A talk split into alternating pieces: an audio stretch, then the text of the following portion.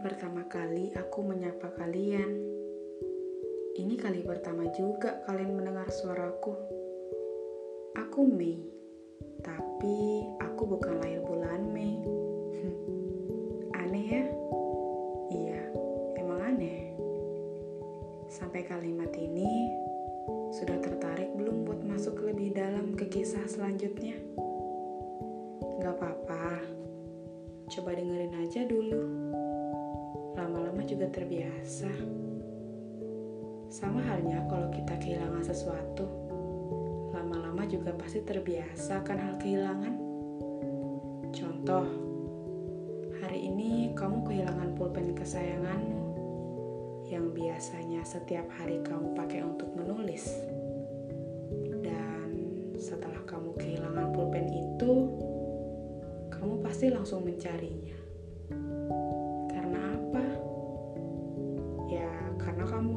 Biasa sama pulpen itu berhari-hari. Berminggu-minggu, berbulan-bulan, bahkan bertahun-tahun. Hmm. Iya, sama halnya sebuah hubungan. Hubungan juga bakalan awet ketika dua orang asing yang menjunjung nilai menghargai satu sama lain. Coba aja omongan itu mudah untuk dilakukan ya. Mungkin saat ini gak ada tuh namanya orang sedih, kecewa karena kehilangan. Ya gak apa-apa, karena yang datang dan yang kita punya memang tidak selalu harus jadi milik kita selamanya.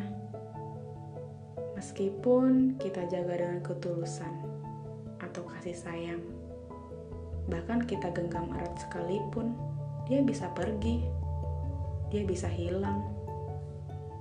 Sama halnya yang sering kita dengar, yang kita punya itu nggak selamanya milik kita.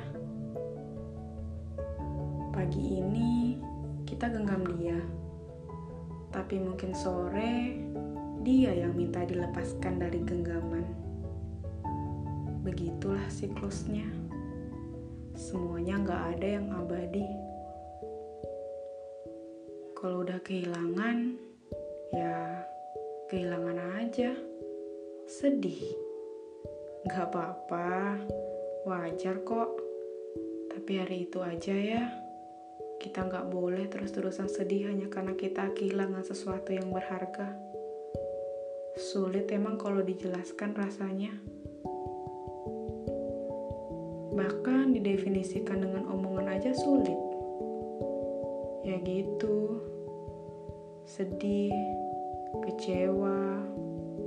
Gambaran yang paling tepat sih nangis. Bisa apa lagi sih kita kalau udah keadaannya begini? Ya, gak apa-apa, nangis aja. Manusiawi kok kalau kita nangis karena kehilangan. Karena kehilangan sesuatu emang tidak mudah. Kita bahkan mungkin sudah ketergantungan sudah sangat terbiasa akan sesuatu itu. Tapi hari ini kita dipaksa untuk terbiasa tanpa sesuatu itu. Ya mau gimana, kita harus bisa. Gak baik kalau kita memaksa sesuatu itu untuk tetap tinggal. Bahkan dia sendiri pun gak mau tinggal dengan kita lagi. Bikin orang kecewa segampang itu ya. Di fase ini, kita pasti berubah jadi manusia yang cengeng. Gak salah kok, cengeng itu juga sifat manusia. Kalau udah kayak gini, kita harus apa? Ya, ikhlas, curhat sama Tuhan, ceritain aja semuanya, luapkan semuanya. Kata Tuhan, yang hilang akan digantikan dengan yang baru.